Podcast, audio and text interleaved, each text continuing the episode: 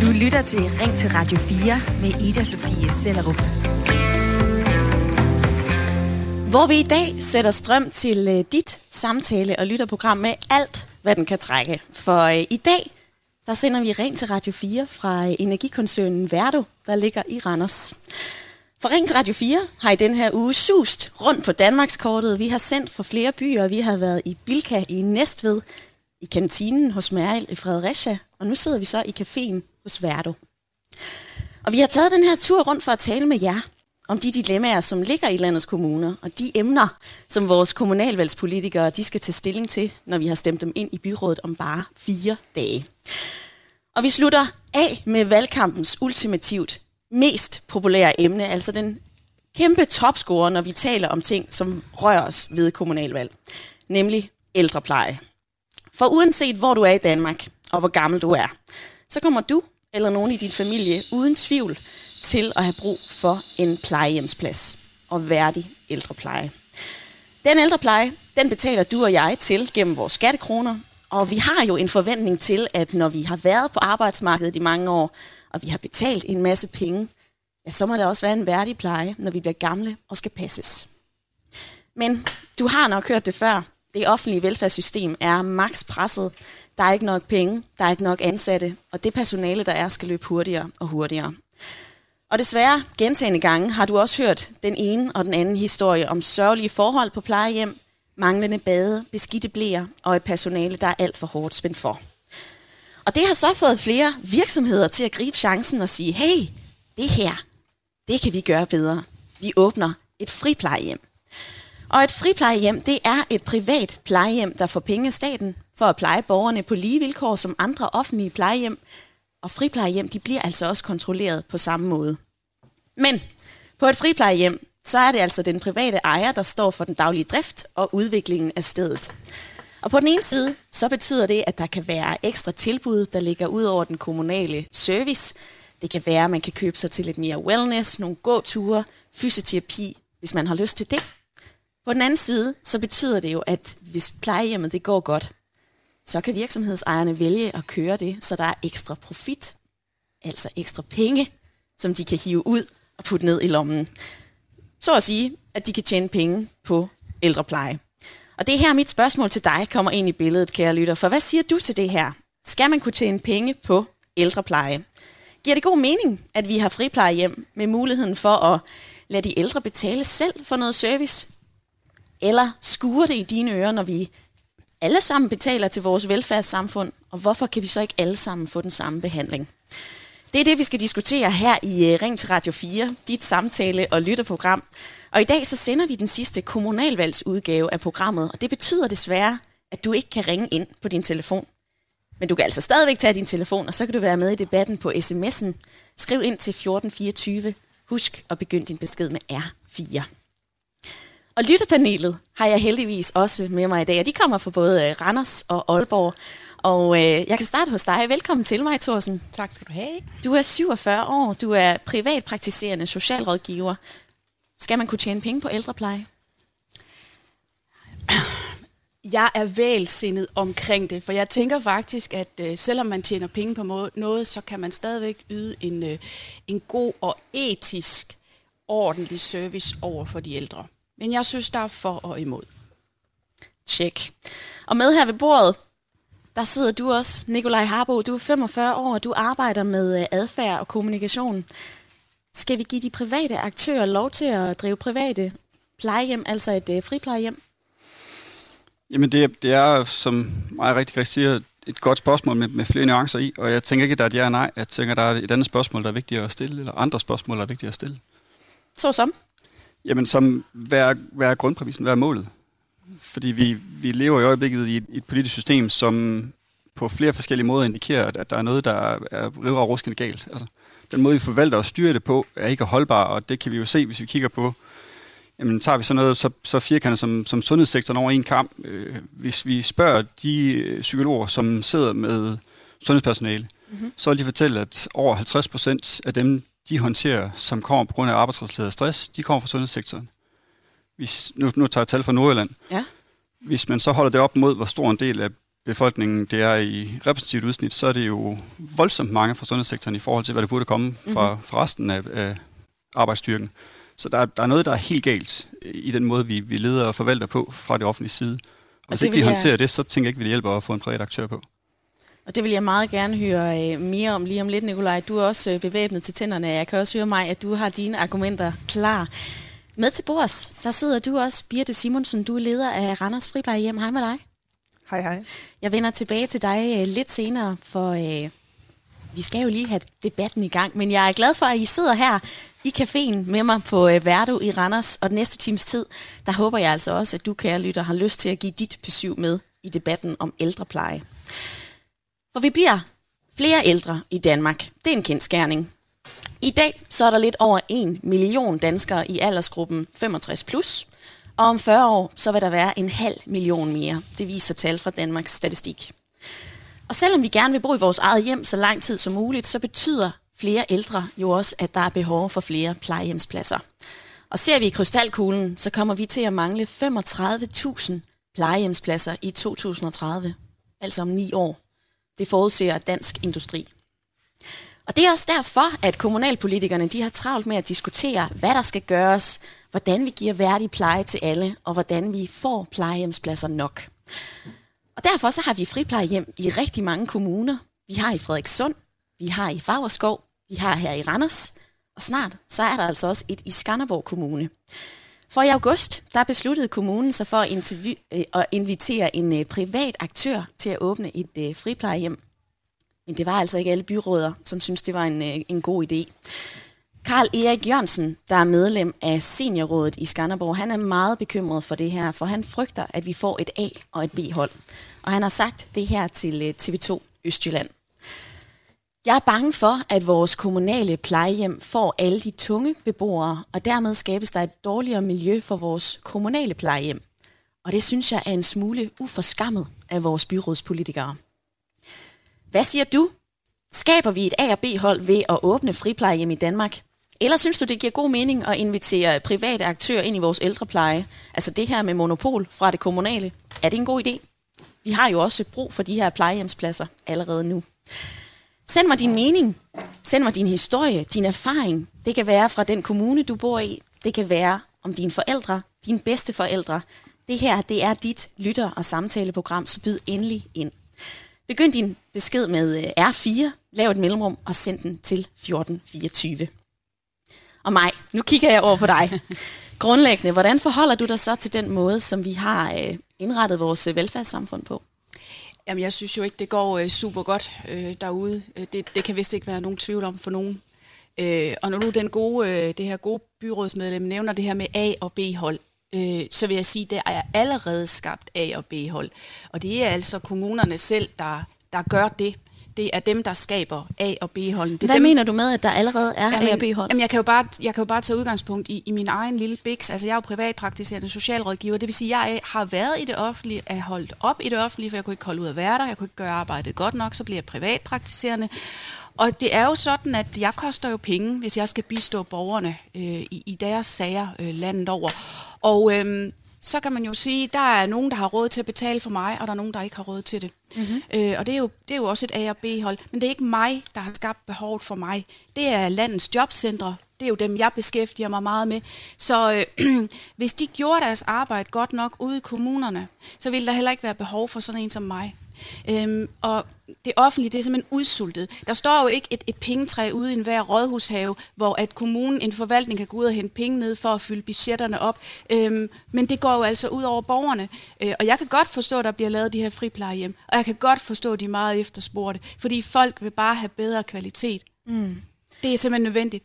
Det, det, er, det, det er simpelthen rent udsagt moralsk forkasteligt, hvad der foregår ude i nogle kommuner. Og det gælder børnehandicap, det gælder ældreområdet, det gælder jobcenterområdet. Vi, vi taler hele vejen rundt. Og er det fordi, der er onde mennesker ude i, i, i landets forvaltninger? Er det, er det onde medarbejdere, der sidder derude? Nej, jeg, jeg er sikker på, at, at de gør alt, hvad de kan derude, men ressourcerne er simpelthen ikke til det. Så derfor, det private, det vil komme mere og mere ind i vores velfærdssamfund, og det er jeg faktisk rigtig ked af, fordi grundlæggende hylder jeg tanken om et velfærdssamfund, hvor der er lige rettigheder for alle, ligegyldigt om man er høj eller lav. Mm-hmm. Men det fungerer bare ikke godt nok, som det er nu. Jamen, hvordan har du det med, at der er nogle friplejehjem, og der skal jeg lige huske at tilføje, der er friplejehjem, som kan vælge at, øh, at, at sige, at vi laver en non-profit mm. virksomhed. Vi vil ikke trække penge ud af det her. Der er også nogle friplejehjem, som netop hiver et overskud ud, putter det ned i lommen. Ja. Altså, hvordan har du det med, at dine skattekroner de ender hos private aktører? Hvordan har jeg det med, at, at ældre borgere bliver behandlet dårligt ude på landets plejehjem? Det, har jeg det da rigtig skidt med. Og nogle af, de, nogle af de ting, vi har set på tv, øh, blandt andet det her øh, famøse TV2-program øh, om, om, om ældre, det, det var helt forfærdeligt, og alle de historier, vi hører. Øh, Jamen, jeg, jeg er faktisk, måske er jeg næsten lidt ligeglad med, at folk tjener penge på det, hvis bare borgerne bliver behandlet ordentligt. Men jeg er ked af, at der er nogen, der ikke har adgang til ekstra god kvalitet, eller, eller den kvalitet, man skulle kunne forvente. Det er jeg ked af. Mm-hmm.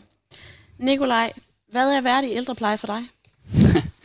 Jamen, det er ældrepleje, der tager udgangspunkt i et kriterie, der handler om ældrenes faktiske tilstand, snarere end, end forvaltningsformen i sig selv.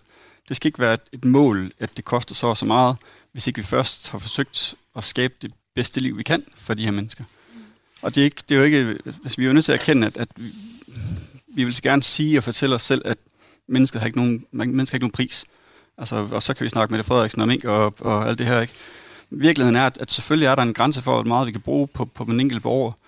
Men hvis vi starter med spørgsmålet, hvordan kan vi gøre det her billigst muligt, mm. så har jeg svært ved at se, hvordan vi nogensinde skal nå et sted hen, hvor at den, der kommer til at sidde i den anden ende, øh, kan opleve, at, at det er værdigt. Og jeg vil sige, det, jeg tror, det, det bedste eksempel, jeg kender på det her, det er, at rigtig mange virksomheder i dag tager udgangspunkt i principper fra, fra Lean, fra en, en japansk metode, hvor at, at et af mantraerne er, at man skal have mindre spild.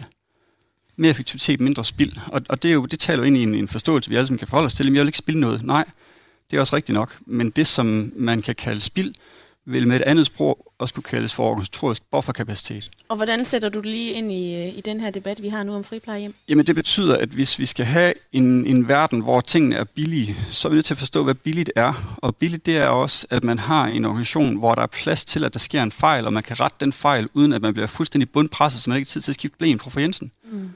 Fordi når vi, når vi trimmer for meget på en organisation, og vi presser mennesker for hårdt samtidig, så knækker ting, så, så, så går det galt.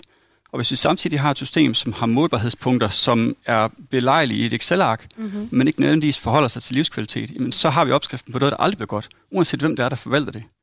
Så vi er nødt til at kigge, vi er nødt til at skridt, tage skridt tilbage og kigge på, jamen, hvordan får vi værdighed ind? Jamen, ved, ved at starte med at fokusere på værdighed, frem for alt det andet, øh, til lige udtrykket snask, som måtte følge ja. i, i opskriften på, hvordan det var hen snask i øh, opskriften om et, øh, om et friplejehjem. Vi når vidt omkring allerede i to, og øh, jeg håber også, at du har lyst til at være med i debatten. Altså, jeg spørger jo i dag, om man skal kunne tjene penge på ældrepleje.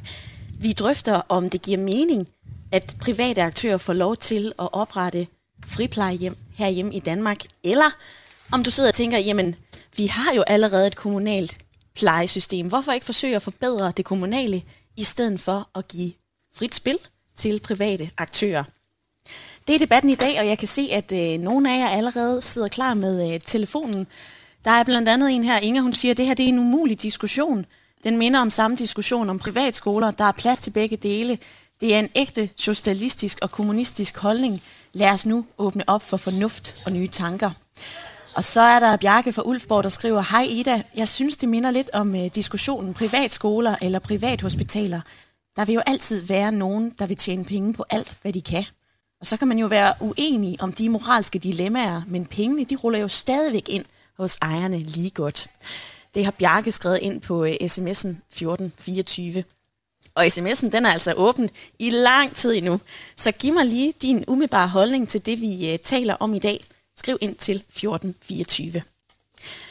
Og i dag, der befinder vi os i Randers. Og øh, ikke særlig langt fra Værdo, der ligger der et øh, friplejehjem. Randers friplejehjem åbnede for øh, lidt mere end to år siden, og siden da så har det været rigtig populært. Så populært, at der er en øh, venteliste, og øh, nu skal man altså også udvide antallet af pladser. Og du sidder og smiler herovre, Birte Simonsen, fordi du er leder af Randers Friplejehjem. Hej med dig igen. Hej hej. Hvis vi lige skal starte helt basalt, altså med dine ord, hvad er et øh, friplejehjem? Et friplejehjem, det er et plejehjem, som er bygget efter den lovgivning, der er om friplejeboliger. Så øh, det er ud fra det, at friplejehjemmet er blevet bygget, og det er det, vi driver friplejehjemmet på det grundlag. Mm. Altså, Randers Kommune, så vidt jeg har forstået, de har jo allerede flere kommunale plejehjem, og så er der også andre tilbud til ældre. Og I er så et øh, friplejehjem, som arbejder non-profit, så I tjener ikke penge Nej. på det her, skal jeg lige huske at sige. Mm. Men hvorfor besluttede I jer for for to år siden, at der var behov for jer? Egentlig så opstod tanken øh, hos nogle private personer, der syntes, at det de hørte øh, omkring ældreplejen, det var, at noget af det, som folk faktisk øh, frygtede mere end døden, det var plejehjemmet. Mm. Og den tanke var med til at, at øh, motivere en bestyrelse til at tage et initiativ til friplejehjemmet her i Randers. Der er forskellige bevæggrunde til, hvad man, øh, når man opretter et friplejehjem. Ofte er det privatpersoner, der tager initiativ til det. Mm-hmm. Og øh, det kan også være en organisation, men, men ofte så opstår det lokalt, og tanken, vi kan og vi skal gøre det bedre, end det vi kan se nu, der sker. Mm-hmm. Så vi er de nye i klassen her ja. i Randers. Ja. Du får lige nævnt, jeg sidder og ryster helt på hovedet over den øh, undersøgelse. Det gør du også mig, altså at man frygter døden mere, end man frygter at komme på et øh, plejehjem. Altså hvad jeg kan se her, så har øh, Vilke lavet en rundspørg i 2020, altså sidste år. Og der står der simpelthen, at øh, altså, 6 ud af 10 danskere føler sig utrygge ved måske at skulle på plejehjem en dag. Og øh, godt halvdelen af os, 54 procent, vi føler altså også utryghed ved at alene få hjemmepleje. Så det siger jo altså noget om, øh, om den frygt, eller ja, den frygt, som vi har for det kommunale, som vi jo egentlig betaler til. Og alligevel, så kan jeg ikke lade være med at stille dig et modspørgsmål, Birte, fordi risikerer vi ikke ved at oprette sådan en friplejehjem, at vi underminerer det kommunale velfærdssystem endnu mere? Vi er jo rigtig meget med til at supplere. Vi øh, tilbyder nogle plejeboliger, som ligger i, et, øh, i nogle rammer, som hører under friplejelovgivningen, mm-hmm. friplejeboliglovgivningen, men, men det er jo et plejehjem, og vi, øh, dem, der bor der, er visiteret af de kommunale visitatorer ja. til at må få lov til at flytte i en plejebolig. Og øh, det er jo så der, hvor vi kommer ind, at vi er et supplement, og vi øh, får henvendelser fra både øh, beboere, men også øh, nogle, eller kommende beboere, nogle ældre, der øh, ringer, eller, eller vil gerne lige komme og besøge os, og pårørende, der henvender sig, hvad er muligheden? Og det er egentlig øh, der, hvor, hvor vi kommer ind som supplementet. Mm-hmm. Og så lytter man jo til, hvad er det så, vi kan. Vi er jo et, et øh, vi er under de samme lovgivninger, sundhedsloven og serviceloven og alle de andre lovgivninger, som vi nu også relaterer til, når man er en arbejdsplads. Så der bliver holdt øje med jer? Så det gør der, ja. ja. Og der er tilsyn fra de øh, myndigheder, der skal. Mm-hmm. Fordi det skal også være en garanti for, at vi yder den pleje og omsorg, som det enkelte menneske har brug for mm-hmm. hos os.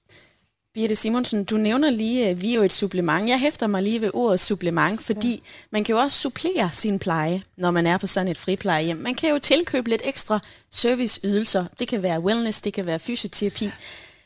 Et af de argumenter i den her debat, det er jo netop, jamen for dalen ender vi ikke med et A- og B-hold, når vi så har nogle lidt rigere ældre, som kan få det lidt mere, som de gerne vil have det på et friplejehjem, og så er der de tunge borgere tilbage på den kommunale plejecentre. Risikerer vi ikke at skabe det A- og B-hold? Jeg er ked af, at du kalder de tunge, eller... Undskyld, det er på politikersprog. Ja. Det har jeg set flere steder, at, at, man, at, at man er ked af, at, ja. øh, at de tunge borgere, eller i hvert fald de borgere, som kræver mere pleje. Kan vi sige det på den måde? Det er sådan, at når man i Danmark bliver visiteret til en plejebolig, så har man brug for nogle, øh, noget hjælp på grund af nogle handicaps, nogle tilstødende ting, som gør, at man ikke kan klare sig i eget hjem. Og det er årsagen til, at man kommer på et plejehjem eller et friplejehjem. Mm-hmm. Og der er ikke skældende, om det er tungt. Det, er, jeg er ked af det ord. Øh, det fordi, sletter vi. At det, det, er, øh, det er værdifulde mennesker, og øh, dem, der søger til os, ønsker egentlig bare også at få et godt liv, selvom man flytter på plejehjem.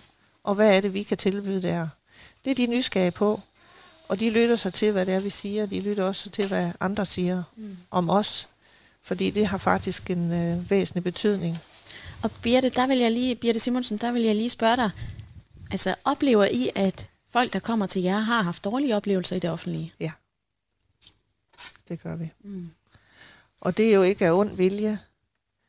Det er det ikke, øh, at, at øh, plejepersonale oplever sig så presset, så det er så svært også at give den værdige ældrepleje mm.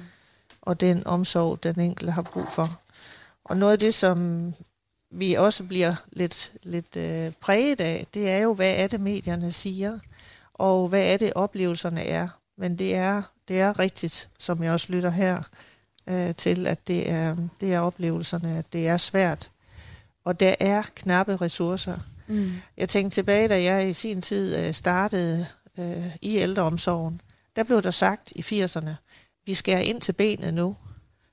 Og jeg, jeg, det er et for, for tærsket øh, udtryk, fordi at øh, det er det igen, nu er det igen i debatten, vi skærer ind til ben. Jamen, det tog vi altså allerede i 80'erne. Er der snart mere at skære så. af? Eller ind til? Kan man, øh, Men kan det er bare spørge. et udtryk, der bliver sådan, den bliver så fluffy. Mm-hmm. Men jeg tænker, at vi rammer ind i et behov for at kunne vælge. Vi rammer ind i, at der er en frihed i at kan sige, jeg vil gerne vælge, og pårørende vil gerne vælge, og de muligheder, det giver. Lige så vel som man gerne vælger en børnehave eller et, øh, en skole til sit barn, så vælger man også, øh, hvor er det lige min mor eller den nære pårørende, jeg har, hvor er det, der er bedst for, for mm. hende eller, eller ham. Mm. Og det er, det er jo det spændende. Det er, det er også der, hvor man kan sige, hvad er det gode liv? Hvad er det gode liv lige for dig?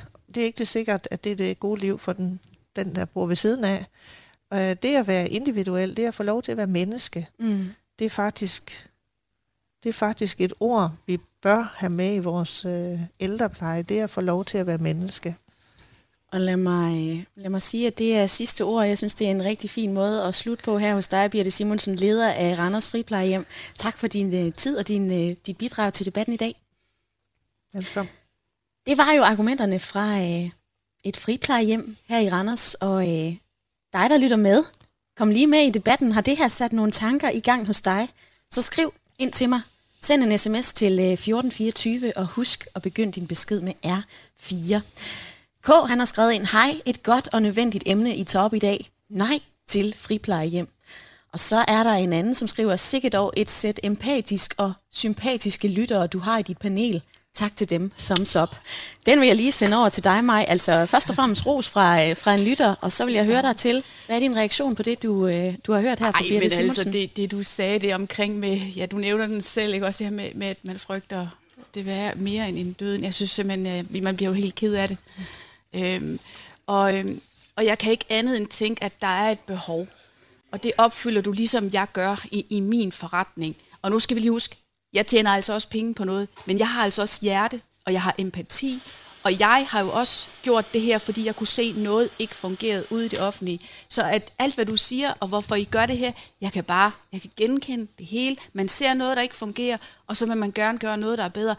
Vi skal bare huske, der er bare ikke nogen, der er nogen, der ikke har den samme adgang til at kunne købe de ekstra ydelser, kan, kan få det andre også. Og det, det er jo der, hvor jeg lige er sådan lidt, ah, jeg er lidt ked af den alligevel. Mm-hmm. Men vi bevæger os derhen af, og jeg tror, landspolitikerne, jeg tror faktisk gerne, de lidt vil udfase det her velfærdssamfund. Det er simpelthen for dyrt, det er for omkostningstungt. Jeg tror, der er nogle kræfter, der gerne vil arbejde på at udfase og gøre mange flere ting private. Det vil de konservative i hvert fald. Jeg har øh, fundet et citat her fra øh, Søren Pape. Han siger altså, vi kommer til at mangle plejehjemspladser. Der er ikke noget sted, hvor monopol er godt. Det, at der er forskellige typer af plejehjem, det gør, at de ældre de har et frit valg, og det har de fortjent. Jeg vil lige nå forbi dig, Nikolaj. Har du nogen kommentar på, øh, på det, du hører her? Oh, ja, mange, men, men det, hvis jeg skal Du har lige 30 sekunder. ja, hvis jeg skal begrænse det, så vil jeg sige, det, det, det her med A- og B-holdet. Øh, vi, vi er nødt til at, at, at erkende, at vi har en, en samfundstilstand i dag, hvor at der er 1,6 millioner danskere, der er danske millionærer.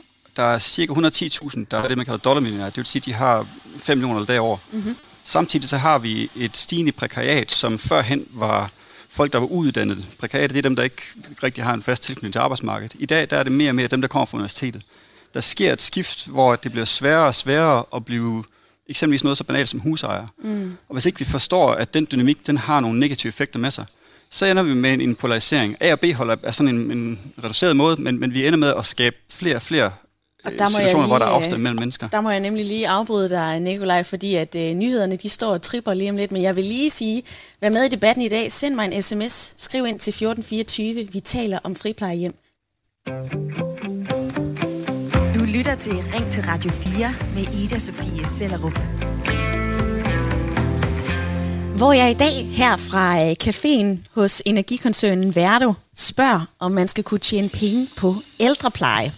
Som du kan høre, så er kaffemaskinen allerede i gang her i caféen, og øh, vi sender også frem til klokken 10. Jeg har mit gode lytterpanel foran mig, og øh, så har jeg altså også Birte Simonsen stadigvæk fra Randers Friplejehjem. For vi taler om øh, friplejehjem i dag. Synes du det er i orden, at vi lader private virksomheder komme til fadet og oprette de her friplejehjem rundt om i Danmark, fordi den kommunale ældrepleje er toppresset og ikke kan følge med? Det spørgsmål det stiller jeg i dag, fordi ældrepleje er det ultimativt vigtigste emne for danskerne i dette kommunalvalg. Det viser en undersøgelse fra KL, og i den her uge så har vi så diskuteret dilemmaer, som vores kommunalpolitikere de skal rode med efter på tirsdag. Og jeg giver dig lige lidt facts at tyk på, for øh, et, vi bliver ældre, vi lever længere, og med tiden, så har vi brug for plejehjemspladser. Det er allerede presset nu, kan jeg fortælle dig, og om ni år, så mangler vi altså ca. 35.000 ekstra pladser på landets plejehjem. Det forudser Dansk Industri i hvert fald. Det får så øh, nogle kommuner til at give grønt lys for private virksomheder til at åbne friplejehjem. De får jo de samme penge af staten som en øh, kommunal som en kommunal plejehjem, men de kan så også gå ind og vælge, altså hvis plejehjemmet kører godt, hvis der er noget profit, så kan det så ind i lommerne hos øh, virksomheden, og så betyder det jo egentlig, at de tjener penge på vores skattekroner. Og det er noget griseri, har vi hørt flere sige nu efterhånden. Jeg kan også se her på øh, sms'en, der er altså øh, der er nogen af jer, der skriver, at folk har sgu ikke et frit valg, men har du penge, så kan du få, skriver Lars Madsen ind på sms'en. Og så skriver Lars fra Skive, privatisering er okay, men en institution, der er privat, skal vel være uden snablen i statskassen. Dermed ment, at hvis man søger en privat skole, et privat plejehjem, ja, så er man i stand til at klare sig økonomisk, og så skal man selv betale. Adskil de to modeller, tillad privatisering og skær ikke en krone mere i sundhed og plejesektoren. Bum bum. Larsen kommer jo også ind på det her, dem der så ikke har råd til at betale. Hvad med dem?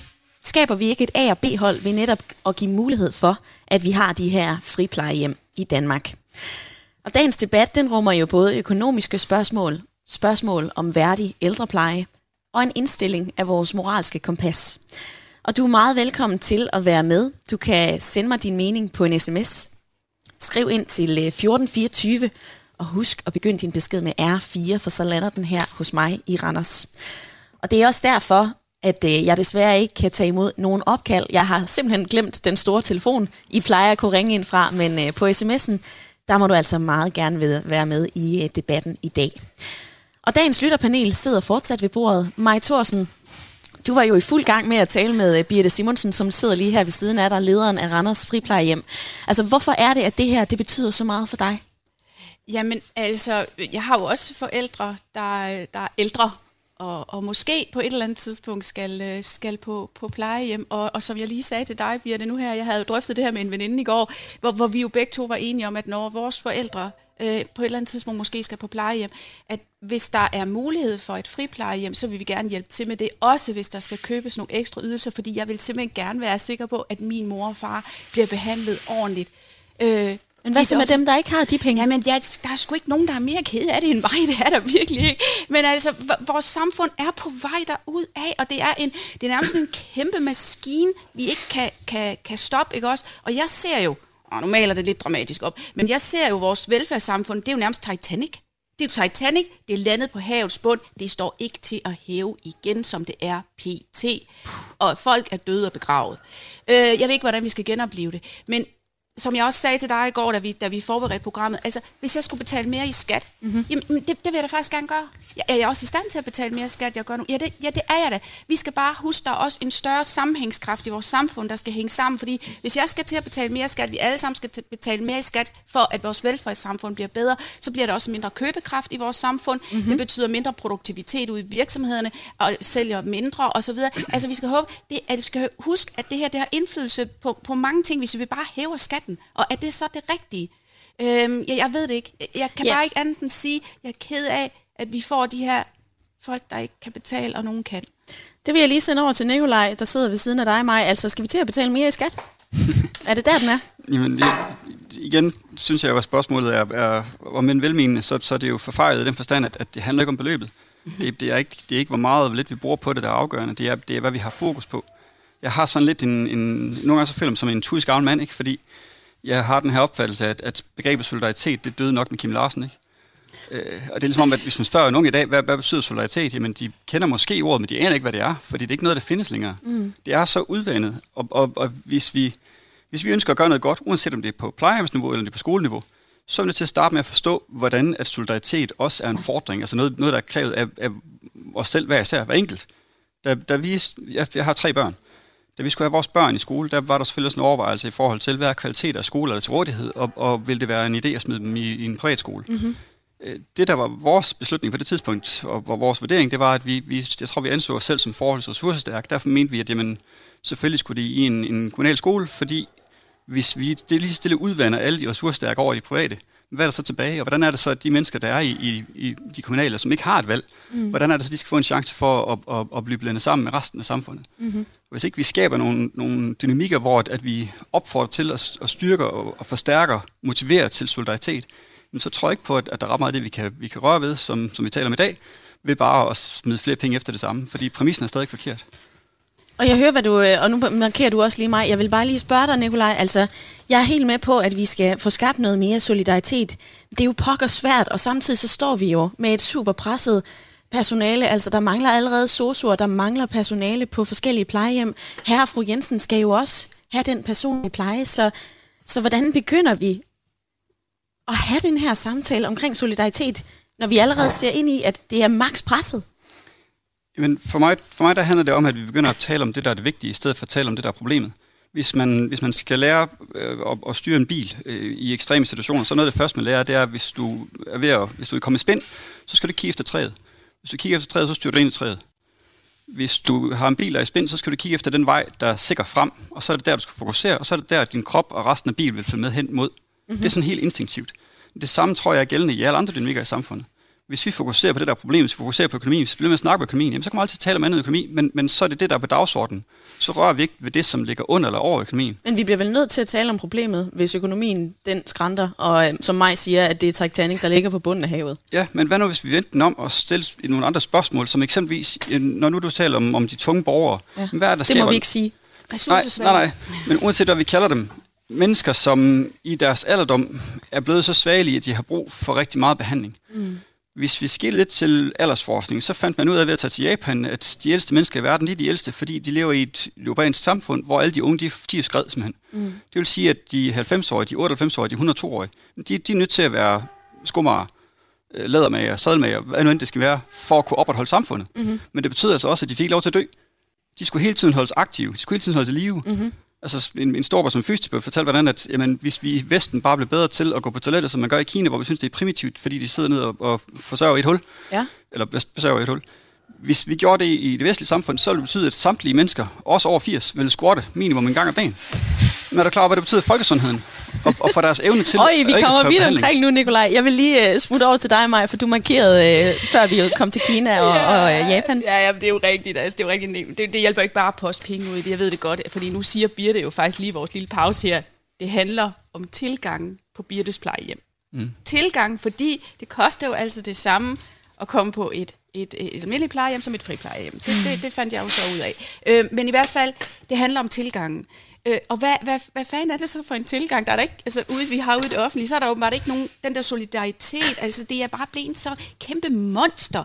Jeg, jeg tror, det bliver svært at komme til det, fordi det, det du nævner her, Nicolai, jeg synes, det er rigtig vigtigt, og solidaritet og så videre, det er bare blevet et monster ude i vores velfærdssamfund. Det, det er blevet for, for vanvittigt altså til, vi skal jo bare forenkle det til en tilgang. Og nu peger du over på Birte Simonsen, ja. Som sidder ved siden af dig. Skal jeg, lige huske, skal jeg lige huske at sige for lytterne, som ikke, Ja, ja, undskyld, som ja. ikke øh, kan se med her. Ja, ja. Men altså, hvis vi, hvis, hvis vi så skal åbne flere friplejehjem, og vi skal se den vej, Jamen altså, hvis vi allerede har et kommunalt system, det halter. Det er måske, som du siger, Titanic på bunden af vandet. Det kan også være, at det er en synkende skude. Skal vi så ikke prøve at forbedre det, vi allerede har, i stedet for at åbne nye friplejehjem? Jo, og det tror jeg også gerne, der er mange gode mennesker, der gerne vil. Men det er, det, det fander ned med stort og skal ændre det her. Og jeg ved slet ikke, hvor vi skal sætte ind hen. Jeg, jeg er helt magtesløs faktisk. Mm. Og, og, når jeg, og når vi lige skal, hvis vi lige skal runde det med, med økonomi igen, så kan jeg jo også tænke, der er altså en del udgifter ude i det offentlige, man godt kan allokere andre steder hen. For eksempel i det, det system, jeg arbejder med, nemlig ude i landets jobcenter, hvor der bliver brugt så mange milliarder på dybt formålsløse forløb for borgere, som ikke kan længere. Giv dem nu den førtidspension, de kan få fred og ro, for de kan ret beset ikke. Og der er alle de penge, man så bruger nyttesløst derude, det kunne man jo bruge på andre områder, hvor det giver meget mere mening. Mm. Så der sidder altså også nogen, der skal finde ud af at tænke ud af boksen og bruge pengene rigtigt. Og sådan lyder det fra øh, Nikolaj og mig i øh, lytterpanelet i dag, og jeg kan se her på sms'en, at der også er flere af jer, der gerne vil være med. Ina, hun har skrevet ind, Hej Ida, stort ja til friplejehjem. På almindelig plejehjem, så er huslejen så dyr, at mange ældre tit ikke har råd til andet end huslejen. Michael, han har budt ind med den her, er det ikke bedre at overlade noget til det private, mens ældrepresset er så stort? Om få år, så kommer der små årgange igennem, og så udligner det sig selv igen. Det private kan bedre ændre sig end øh, et stort anlagt offentligt investeringssystem. Og så skriver øh, Katarina den her, jeg var på et tidspunkt i praktik på et plejehjem i en måned, og jeg vil også hellere dø, end at ende sådan et sted. Det var forfærdeligt, grædesmiley. Ja tak til øh, private plejehjem med ordentlig behandling og pleje. Der er forskellige øh, meninger og holdninger her på øh, sms'en, og øh, jeg vil rigtig gerne høre fra dig. Du har stadigvæk et kvarter til at være med i debatten, så øh, send mig en sms med dine holdninger, dine tanker om private plejehjem og den kommunale ældrepleje. Det kæmpe pres, som vi kan se lige nu på øh, landets plejehjem. Byd ind med din erfaring, din mening. SMS'en er åben, og du skriver ind til 1424. Du skal bare lige huske at begynde din besked med R4. Og jeg ved, at mit gode lytterpanel sidder og markerer og har hånden op. Det er fantastisk at se, men jeg synes altså, vi lige vi skal smutte til Frederikssund Kommune. Fordi i Frederikssund Kommune, der ligger friplejehjemmet Lærkevej, som øh, et svensk firma Attendo driver. Og øh, firmaet bliver betalt af kommunen for at pleje de ældre, og de modtager så også det samme beløb som et offentligt plejehjem. Men øh, jeg har fanget formanden for ældrerådet i Frederikssund Kommune. Hun hedder Lisi Gyllendal. Og prøv lige at høre, hvad hun siger her. Nu skal jeg lige se, om jeg kan finde mit lille bånd. Altså, jeg synes grundlæggende, det er en dårlig idé, at vi liberaliserer vores samfund. Altså hele vores velfærdssamfund. Altså, jeg har ikke noget imod øh, Attendo Friplejehjem, som ligger i Frederikssund. Øh, det er jo kommet her og åbnet i 2019. Altså, det er jo ikke plejehjemmet som sådan, jeg er noget imod. Det er modellen, det der med, at vi kan øh, lade private overtage hele den velfærdsydelse, vi har i Danmark, som vi alle sammen øh, bruger. Og jeg mener, at det er sådan set det, der holder vores fællesskab sammen. Det er jo sådan, at man kan jo privatisere både skoler og daginstitutioner og plejehjem. Og jeg ved godt, efter jeg har udtalt mig om det her, der er mange, der tror, jeg har noget imod Attendo, der ligger i Frederikssund. Det har jeg ikke. Men jeg har noget imod, at der er forskel på øh, de ydelser, man kan tilkøbe i forhold til det offentlige og private. På det private kan man jo tilkøbe ydelser, øh, hvor det er det faste personale, der udfører dem. Og på det offentlige kan man også tilkøbe ydelser, men der skal man altså ud i privatliv, eller hvad mm. hedder det, private virksomheder for at bestille de ydelser. Så altså man kan sige, det er sådan set den eneste fordel, de har på Attendo, det er, at øh, man kan bruge personale til at få ekstra ydelser. Ja, jeg vil gerne lige forholde dig til det her med ekstra ydelser, for der er jo en mulighed for, at man kan tilkøbe ekstra rengøring, wellness, man kan få ledsagelse ud af huset, hvis man skal det. Altså, Lise Gyldendal, hvorfor ikke give borgerne muligheder for at købe det her til? Jamen, det har de også mulighed for på det offentlige. Jeg kan ikke, jeg kan ikke forstå, hvorfor folk de har så travlt med, at det, at det er sådan en ekstra ydelse, man kan få. Altså, den ekstra ydelse, der er i forhold til det private, det er, at det er det faste personale, der kan yde det. Der er ikke noget til hinder for, at folk, der bor på et offentligt plejehjem, at de kan købe de samme ydelser. Det er jo lov til at bruge deres penge, som de vil. Mm-hmm. Men er der ikke noget, der Så, taler for, øh, når vi ser de her fri, friplejehjem blomstre op i Danmark, er det så ikke også et udtryk for, jamen så må de offentlige være så ringe, at vi netop har lyst til at tilkøbe ekstra ydelser på et friplejehjem? Det tror jeg simpelthen ikke. Jeg tror, det handler meget mere om sølle kroner og øre. Når kommunerne skal opføre et plejehjem, så koster det omkring 100 millioner. Hvis de kan få et privat firma til at opføre det, så er de fri for at investere de 100 millioner. Jeg tror, det er ren og skær mammon og ikke noget som helst andet. For i det lange løb er det jo dyrere for kommunen, fordi de skal administrere. De skal jo administrere det private på en anden måde, end de skal i forhold til egen plejehjem. Ja. Så det er spild af kroner, og jeg synes også, at øh, det der med at ligesom chokke med vores velfærd, ved at man øh, udliciterer ting. Der er jo ikke nogen analyser, der viser, at det bliver bedre. Tværtimod. Altså, VIVE har for eksempel lavet en undersøgelse i forhold til hjemmehjælpen. Mm-hmm. Den siger jo, at øh, de private ansættelser i forbindelse med udlicitering, der falder indkomsten, og der er stigende forbrug af offentlige overførselsindkomster. Mm-hmm. Så hvad er det, at samfundet vil have ud af det? Lise Gyldendal, jeg står desværre ikke med øh, den undersøgelse, som øh, du henviser til fra VIVE eller fra de, fra de øh, forskellige overenskomster. Men jeg kan jo øh, se og læse mig til, at et andet argument for friplejehjem, det er jo, at det kan være nemmere at ansætte det personale, der er brug for. Altså det kan simpelthen gå hurtigere, fordi det er en øh, privat virksomhed. Det er i hvert fald det, Annette Mortensen fra øh, Lærkevej, hun siger i øh, programmet Frisk og Pind på øh, DR1. Prøv lige at høre med her. Der, hvor jeg kan se forskellen, er vores, vores hurtige omstilling. Hvis det er, jeg tænker, nu har vi brug for noget øget fysioterapi, jamen så kan jeg vælge at ansætte en mere. Men hvis du skal omkonvertere stillinger i det offentlige, så, så tager det noget tid. Altså giver det netop ikke god mening, hvis man vil have en hurtigere og mere værdig pleje, at vi kan ansætte i ordentlig tid? Altså, jeg tror ikke på, at der er nogen, hverken offentlige eller private, der har for meget af den hjælp, der skal til for at lave basisydelser. Så det der med at konvertere for eksempel sociohjælper og socioassistenter til fysioterapi, den tror jeg simpelthen ikke en pæn på. Og så er det jo sådan i øjeblikket over hele landet. Det gælder både offentlige og private. Det er fuldstændig umuligt at få det personale, som man har behov for. Så bare det, at man kan få nogle øh, fødder inden for dørene, eller varme hænder, eller hvad vi nu skal kalde dem, så jubler man jo. Så det der med, at man bare lige kan konvertere en stilling til noget andet, ja, det er der nød, at man kan gøre det i øjeblikket. Der handler det bare om at få nogle mennesker inden for døren. Og hvis vi så her til sidst ser i krystalkuglen, Lise Gyldendal, er du så bange for, at vi ved at få flere fri plejehjem, sætter gang i noget, som vi ikke kan styre, at det her det er en glidebane? Ja, det er jeg helt overbevist om. Jeg mener, at den, altså, den offentlige velfærd, den skal være offentlig, og det er ikke sådan, at man skal udbyde det til private. Der er ikke noget, der tilsiger, at det overhovedet skulle være bedre på nogen som helst måde. Så det, det er en rigtig, rigtig dårlig idé for vores samfund, og for øvrigt synes jeg også, det er noget forbandet svineri, at man skal tjene penge på mine skattekroner. Jeg tjener penge på mine skattekroner for øh, Lise Gyldendal fra Ældrerådet i øh, Frederikssund Kommune, lige sagt her. Og kaffemaskinen, den øh, bruser løs. Vi sidder i Randers hos Energikoncernen Verdo og har gang i den her debat omkring ældrepleje og friplejehjem. Og nu siger Lise Gyldendal jo de her forskellige ting. Hun taler også om at Tendo som øh, er den her svenske, den her svir- svenske virksomhed, som har flere øh, friplejehjem. Og jeg synes altså også lige, vi skal høre fra direktøren Søren Andersen. Det synes jeg kun er fair. Prøv at høre, hvad han siger i øh, programmet Frisk og Pind.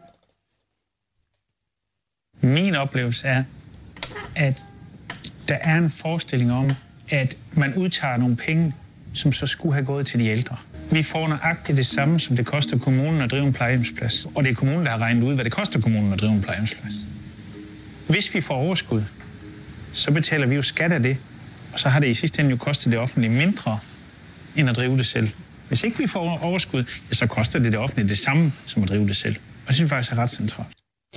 Nu har du fået nogle argumenter for og imod.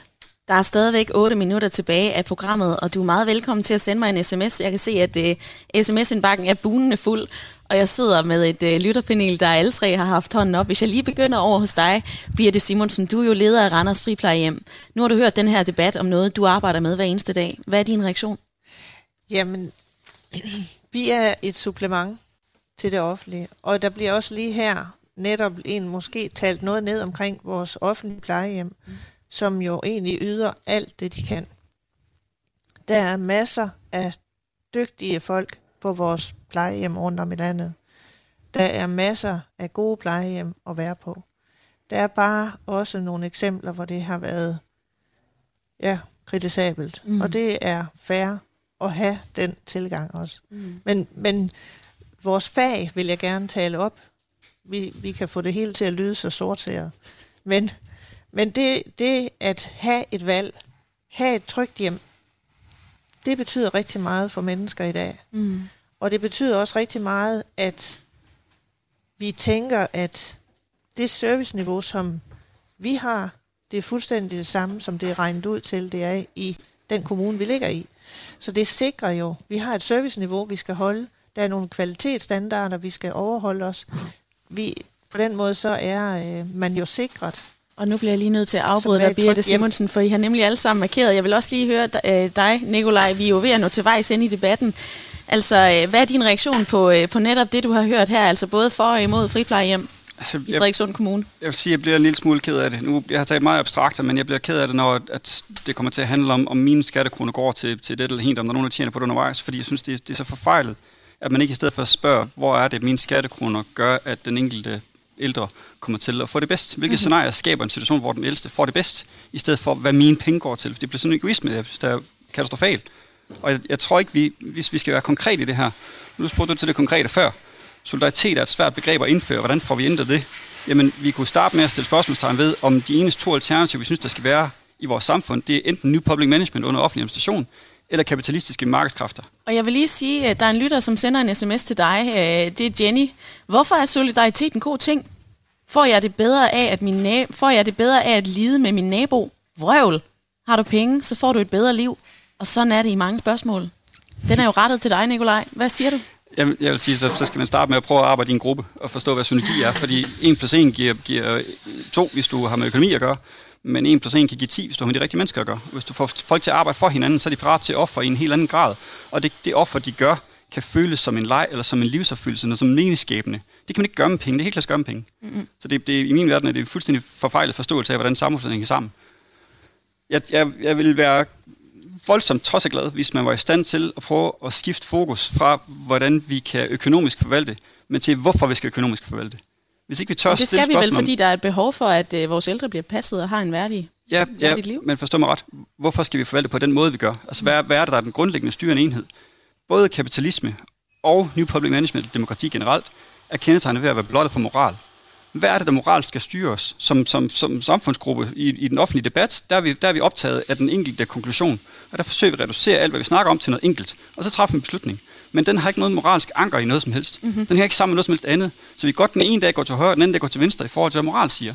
Så hvis ikke vi tør at sætte moral og etik på dagsordenen, så når vi aldrig videre. Så vil vi altid blive rundt i det, som jeg vil betegne som øh, det her spørgsmål, det grundlæggende spørgsmål. For mig der er det symptom. Det er jo ikke problemet. Problemet det er det, det, det, der skaber den dynamik, der gør, at vi har virkelig dårlig forvaltning af, af private, eller mm-hmm. undskyld, af det offentlige, mm-hmm. så meget, så de private gør det bedre. Men de kan kun gøre det bedre, fordi der er noget galt i det offentlige. Mm-hmm. Så lad os da løse det problem, i stedet for at snakke om, hvad symptomerne det måtte være, og hvordan vi kan dem. Så lad os løse det problem, for du lige sagt, Nikolaj. Tidligere i programmet mig, der sagde du, at det, øh, det offentlige var Titanic, der lå på bunden. altså, kan man løse et problem? Kan vi hejse det her skib op af havet? Ja, det, det kræver en helt anderledes tænkning ude i det offentlige. Jeg har ekstremt svært ved at se det ske. Øh, og jeg må bare sige, nogle gange, jeg har været med i programmet flere gange, og nogle gange har min holdning jo ændret sig fra vi startede programmet til vi sluttede. Ja. Øh, og det er jo også det, I nogle gange ligger lidt op til, om har vi nu, mener vi nu det samme stadigvæk? Ja. Jeg mener stadigvæk det samme, som da jeg kom her. Øh, jeg mener, der er et behov for, at øh, der skal gøres bedre. Og hvis jeg kan se, at ude i det private, der er nogen, der kan gøre det bedre, jamen så er det desværre der, vi er nået til. For den måde, det fungerer på nogle steder i det offentlige, og jeg er enig med dig, medarbejderne gør alt, hvad de kan. Det gælder over alt. Ikke også? Gør, hvad man kan. Og, og ingen onde mennesker, men gode mennesker kan også handle ondt, hvis de har alt for presset arbejdsmiljø at arbejde i. Men det er en helt anden historie. Summa summarum, det er ikke godt nok, det der sker. Og derfor kan jeg godt forstå, at der bliver skabt et behov for, at øh, nogen gør det bedre. Og ja, det er der så nogen, der gør, tager fat i, og så kan de betale de ekstra ydelser. Er det ærgerligt for nogle andre? Ja, for fanden, det er det bare. Men mm. så må det offentlige bare se at gøre det bedre. Og Lisi, den gode Lisi der, var det for Frederikssund, ja, øh, jeg synes, hun, øh, hun, var lidt, hun var meget, meget vred på det private, men jeg er også vred på det offentlige. Og det er jo som det, man nu ser. Øh, jeg, jeg tror, hun skal være mere åben for, at det private, selvom man tjener penge på det, så kan vi altså også stadigvæk være gode, empatiske mennesker. Mm. Jeg skal ikke kigge længere end til mig selv. Og sådan lyder det altså fra øh, Nikolaj og mig i uh, lytterpanelet. SMS'en den er fuldstændig proppet. Christine, hun skriver ind, manden, der taler om moral, er fantastisk. Det er et skud ud til dig, Nikolaj. Du smiler over hele tak, tak. bæret, det er herligt. Og så har uh, Inger skrevet den her, når man siger noget pænt og rosende, så må man også nævne navne. Og jeg vil gerne fremhæve og rose Nordborg plejehjem på Als, hvor min mor var i fire år.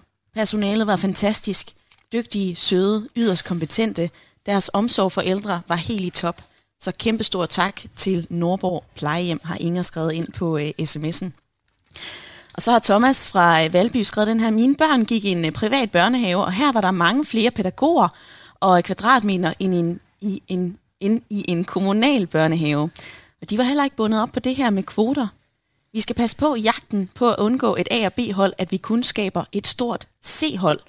Og så tænker jeg på dem, øh, der kommer over på et friplejehjem. De aflaster jo også de kommunale plejehjem, og de kommunale, de får jo så måske også bedre ressourcer til at pleje dem, der er tilbage. Lad det være sidste sms i øh, debatten i dag. Det har jo været den sidste kommunalvalgsudgave af Ring til Radio 4, og øh, lige om lidt, så pakker vi sammen og drøner tilbage til Aarhus. Men jeg vil sige tak, Nikolaj, mig og, og øh, Sorvold og Birte. Tak for jeres tid. Selv tak. tak for at med. Tak. Og øh, dig derude, husk at du kan finde alle vores programmer som øh, podcast. Husk at stemme den 16. november for pokker. Dit samtale- og lytterprogram er tilbage igen på mandag, og nu skal du have nyheder.